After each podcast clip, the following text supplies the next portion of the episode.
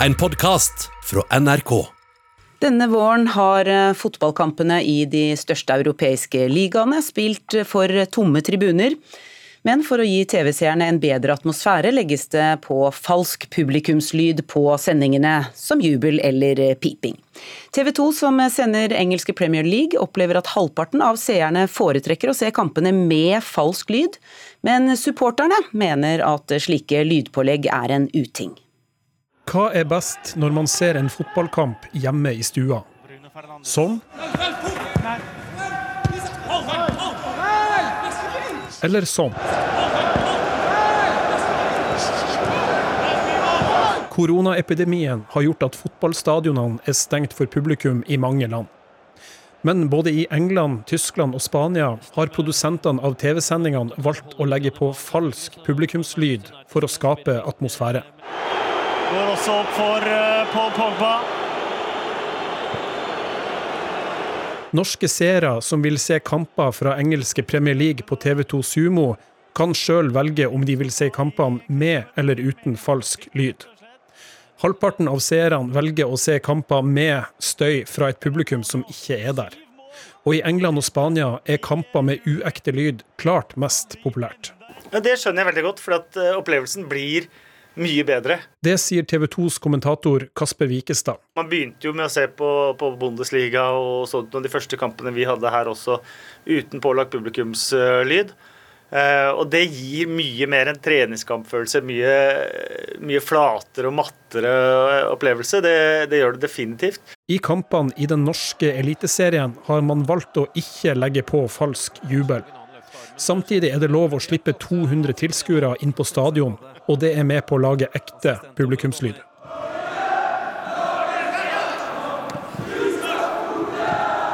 Talsmann Gjert Moldestad i Norsk supporterallianse mener at pålagt lyd er en uting. Egentlig så sier jo det seg sjøl, men altså man prøver å erstatte eh, supporter og den stemningen de lager, med lyd eh, fra en datamaskin.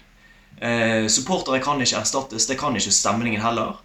Og Dessuten så er ikke supportere på kamp for å lage et bra TV-produkt. Vi er der for å støtte klubbene våre. Han er ikke enig i at det gir en bedre opplevelse hjemme i stua. Nei, tvert imot. Fordi, eh, eh fordi, fordi jeg er ikke supportere på tribunen. Eh, bare fordi at en datamaskin har laget til at det er fake lyd, så er ikke vi der av den grunn. Det er det samme som å se et reiseprogram på, på, YouTube og så tro at man har vært på ferie. Sånn er jo det selvfølgelig ikke. Kasper Wikestad i TV 2 skjønner skepsisen til supporterne. Det forstår jeg veldig veldig godt, for det er eh, ekstremt viktig at supportere ikke marginaliseres. Supportere er eh, og, og tilskuere generelt er det viktigste fotballen har. De falske publikumsreaksjonene, enten det er jubel eller piping, legges på i England mens kampen spilles. Da kan komiske situasjoner oppstå. Ja, det har jo vært et uh, par man hører at den som legger på lyd, har trodd det har vært scoring, f.eks. Uh, det har jo vært uh, litt uh, artig. Men samtidig, jeg syns de har vært flinke til å følge spillet. Men det kan aldri bli like bra som ekte tilskuere.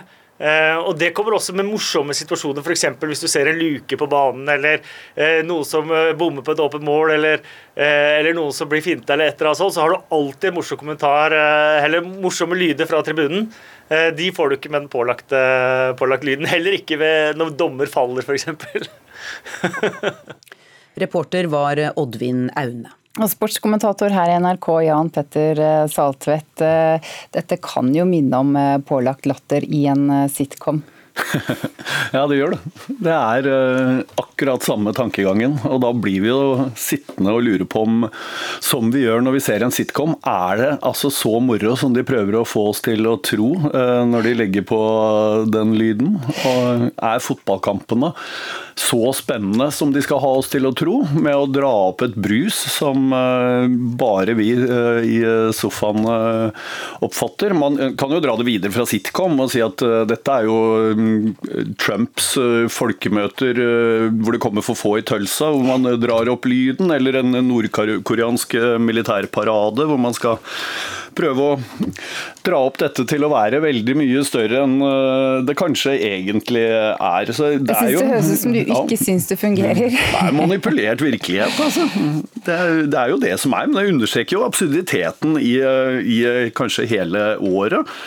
Eh, desperasjonen, kan man si, etter å skape et eh, fullverdig TV-produkt. Eh, lage god underholdning av noe som ikke i samme grad som vanlig er det. De ender jo med at den Premier League-sesongen, som vi har vært inne på her, som kanskje skulle huskes for at Liverpool endelig vant tittelen etter 30 år, eller at Ole Gunnar Solskjær klarte å få United til å komme tilbake mot alle odds, så i stedet kommer vi til å huske denne falske lyden av tomme tribuner.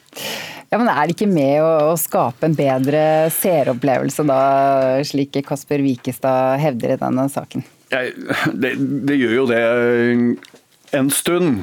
Helt til man kommer til disse situasjonene som eh, Kasper Wikstad han, han, er veldig god til å eh, skape underholdning, og det er en del av det eh, man gjør når man har fotball. Vi skal ikke late som det er noe annet.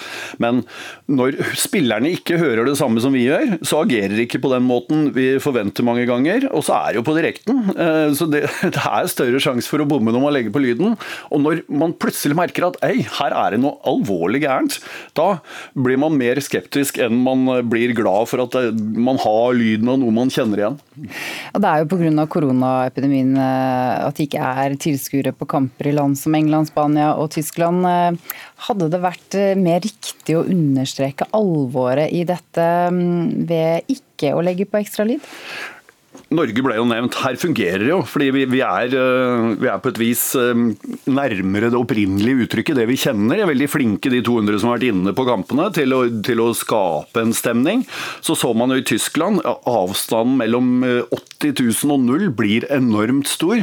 Og det føles som et slags sånn sterilt månelandskap. Så kanskje hadde det vært bedre, men det er jo underholdning vi vil ha. Og det var et kort eksempel på ironien i dette. Fotballspiller Fifa Fifa, altså dataspillet, trengte lyd for å få dette mest mulig genuint en gang i tida. Så selskapet gikk da til de som har, eh, viser engelsk fotball og spurte om de kunne få lyden. Når da disse samme selskapene nå plutselig skal vise TV, eh, kamper på TV eh, uten tilskuere, så måtte de gå tilbake til produsenten av dette dataspillet og spørre om de kunne få lov å låne den lyden tilbake. Jeg tror du at vi kommer til å se dette i flere idretter?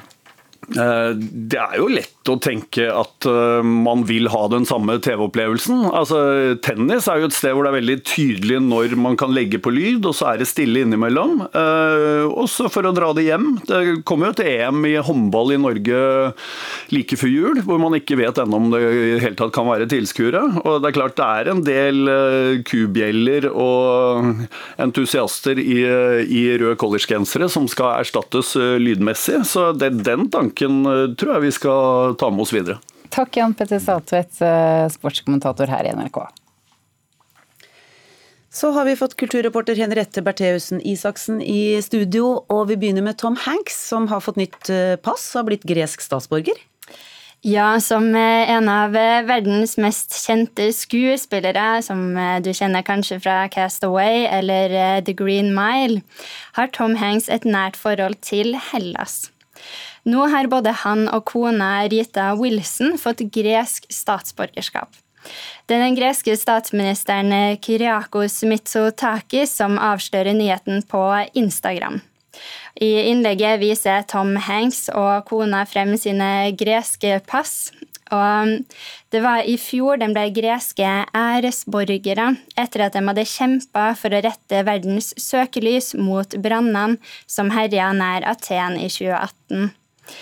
Tom Hanks er en person som eh, viste virkelig interesse for menneskene som led av brannen i Mati, og fremma denne saken globalt, sa den greske innenriksministeren eh, til CNN i en uttalelse i desember.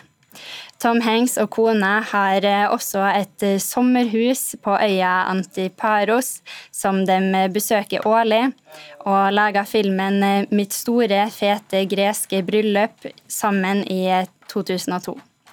Men Hanks er født i USA og er fremdeles amerikansk statsborger også. Og så skal vi høre at programleder Piers Morgan slakter en bok om prins Harry og kona Meghan Markle. Hva er det som ligger bak kritikken her?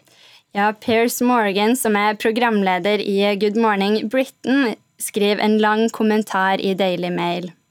Han sier at boka 'Finding Freedom Harry, Meghan and the Making of a Royal Modern Royal Family' eh, bare bekrefter at de er verdens mest tonedøve, hyklerske, narsissistiske, sutrende drittunger. Og at de fleste historiene den lyvende i anførselstegn pressen skriver om dem, var 100 sanne, sier han. Det var voldsomt til kritikk, og det er jo ikke første gang han kommer med kritikk mot paret heller? Nei, han har ved flere anledninger uttalt seg kritisk til eh, prins Harry og kona Meghan. Og nå skriver Morgan at um, denne boka åpenbart skrevet med deres velsignelse og med nok private detaljer til å underbygge at mye av det uh, kommer direkte fra dem sjøl, skulle sette skapet på plass. Vi skulle alle angivelig lese den og forstå hvor dårlig behandla de har blitt, og sympatisere enormt. Men det motsatte har skjedd, skriver han. Boka er skrevet av hoffreporter Omid Scobie og magasinet L sin kongehusekspert Caroline Duran. Flere historier har kommet ut i forkant av boka, som angivelig skal fortelle sannheten om hvorfor Harry og Meghan forlot kongehuset og Storbritannia. Så langt har eh, verken Harry eller Meghan kommentert eh, Morgans omtale. Takk skal du ha, Henriette Bertheussen Isaksen, som følger kulturstoffet i dagens aviser nå på morgenkvisten. Mange av storfilmene som skulle trekke folk inn i kinomørket denne sommeren, har blitt utsatt. Blant dem James Bond, No Time To Die, Top Gun, Maverick, Tennet Tenet og Mulan. Mulan er det kanskje. Heldigvis eh, kan gamle sommerfilmer døyve savnet av ny sommerlig underholdning. Eh, Birger Vestmo, filmkritiker her i NRK. Aller først må du fortelle oss, hva er egentlig en sommerfilm? Ja, For min del skal det helst være storslått underholdning som gir den store eventyrfølelsen, noe som gir fantasien spillerom, gjerne med noen gode grøss. Det det viktigste av alt syns jeg er at filmen tar meg med til et sted, at den gir meg inntrykk fra noe eksotisk, noe annerledes, at den fører meg inn i et fremmed og fascinerende miljø. Altså Kort sagt at den tar meg med på en skikkelig spennende ferietur, bare uten all risikoen. Og Du skal si oss tre eksempler nå på gode sommerfilmer. Hvor, hvor, begynner du? Ja, Det er umulig å komme unna Steven Spielberg. Altså, Jeg kunne ha trukket frem mange av hans filmer, men nøyer meg med to. Den første kom i 1975 og blir nå ansett som den originale sommerblockbusteren. Den pirra publikum med en enorm markedsføring, trollbarn kinogjengerne med nervepirrende underholdning av høy kvalitet, og blei en vanvittig kassasuksess. Jeg snakker selvfølgelig om Haisommer. What we are dealing with here is a perfect engine. Uh, an eating machine. We're not only going to have to close the beach, we're going to have to hire somebody to kill the shark. Bad fish. But I'll catch him and kill him. Did you hear your father? Out of the water now! This shark swallow you whole. Skumle greier. Hvorfor er Haisommer eh, den perfekte sommerfilmen? For sol, sommer, strender, bading og en sulten hai, det er jo en perfekt kombo. Eh, vi blir tatt med til en liten ferieby på USAs østkyst, der den lokale sheriffen mistenker en glupsk hai for å stå bak flere dødsfall. Eh, ordføreren avfeier det med tanke på den forestående feriesesongen, som betyr mye for byens økonomi, men det blir jo da snart klart at haifaren er ekte. Og man kan jo se paralleller til dagens covid-19-situasjon, der en eh, pågående fare settes opp mot finansielle hensyn. Eh, jeg skvett like mye av Haisommer i dag som første gang jeg så den, og imponeres ennå av den friske og energiske historiefortellinga. Du sa du skulle nøye deg med to eh, Spielberg-filmer, så hva er den andre? Ja, det er Jurassic eh, Park, eh, som da kom i 1993, der han i bunn og grunn gjentok mye av suksessoppskriften fra Haisommer, både når det gjelder markedsføring, publikumsappell og eventyrlyst. La oss høre litt lyd fra Jurassic Park. They got in there King Kong. None of these attractions are ready yet, of course, but the park will open with the basic tour you're about to take. Hey, look at this! You see something? Dinosaurs and man. Two species separated by 65 million years of evolution have just been suddenly thrown back into the mix together. Mange har sett eh, Jurassic Park, men eh, for de som ikke har det, da, hva handler den om? Ja, filmen handler om en gruppe forskere som skal teste en ny fornøyelsespark på en øy, der utrydda dinosaurer er vekka til live gjennom DNA-kloning. Og Det går selvsagt ikke helt etter planen, og resulterer i en lang rekke frydefulle spenningsscener.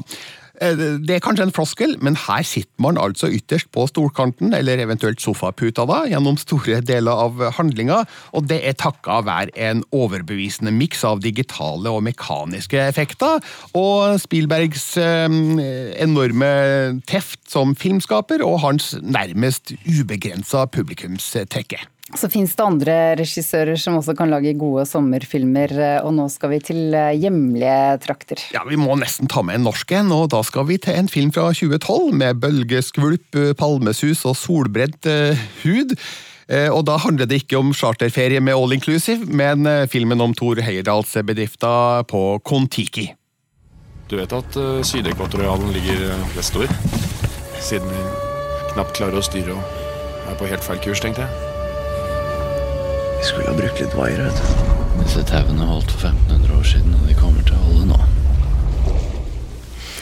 Kon-Tiki ble sett av nesten 890 000 nordmenn på kino høsten 2012. Hvorfor eh, mener du at dette er en sommerfilm? Ja, fordi Joakim Rønning og Espen Sandberg tar oss med ut på en reise til fjerne himmelstrøk. Vi blir med på et risikabelt eventyr som både er en guttetur og en oppdagelsesreise. Her er fortellergleden stor, og det er en vilje til å skildre kjente historiske hendelser fra nær fortid med stor og brei pensel. Det her er førsteklasses underholdning med overbevisende effektbruk, samtidig som det er en tørr pirk i en av våre nasjonalhelter gjennom Pål Sverre Hagens gode og nyanserte spill i hovedrollen. Um, og alle de filmene jeg har snakka om nå, de kan kjøpes og leies både digitalt og på disk. Og det var mitt uh, tredje og siste sommerfilmtips. Du finner flere i en fersk artikkel på nrk.no, der utvalget er enda større og bredere. Der omtales filmer som f.eks. Call Me By Your Name, Once Upon a Time in Hollywood, Vaiana og The Avengers, og da kan jeg love deg at det blir en skikkelig god filmsommer, tross alt.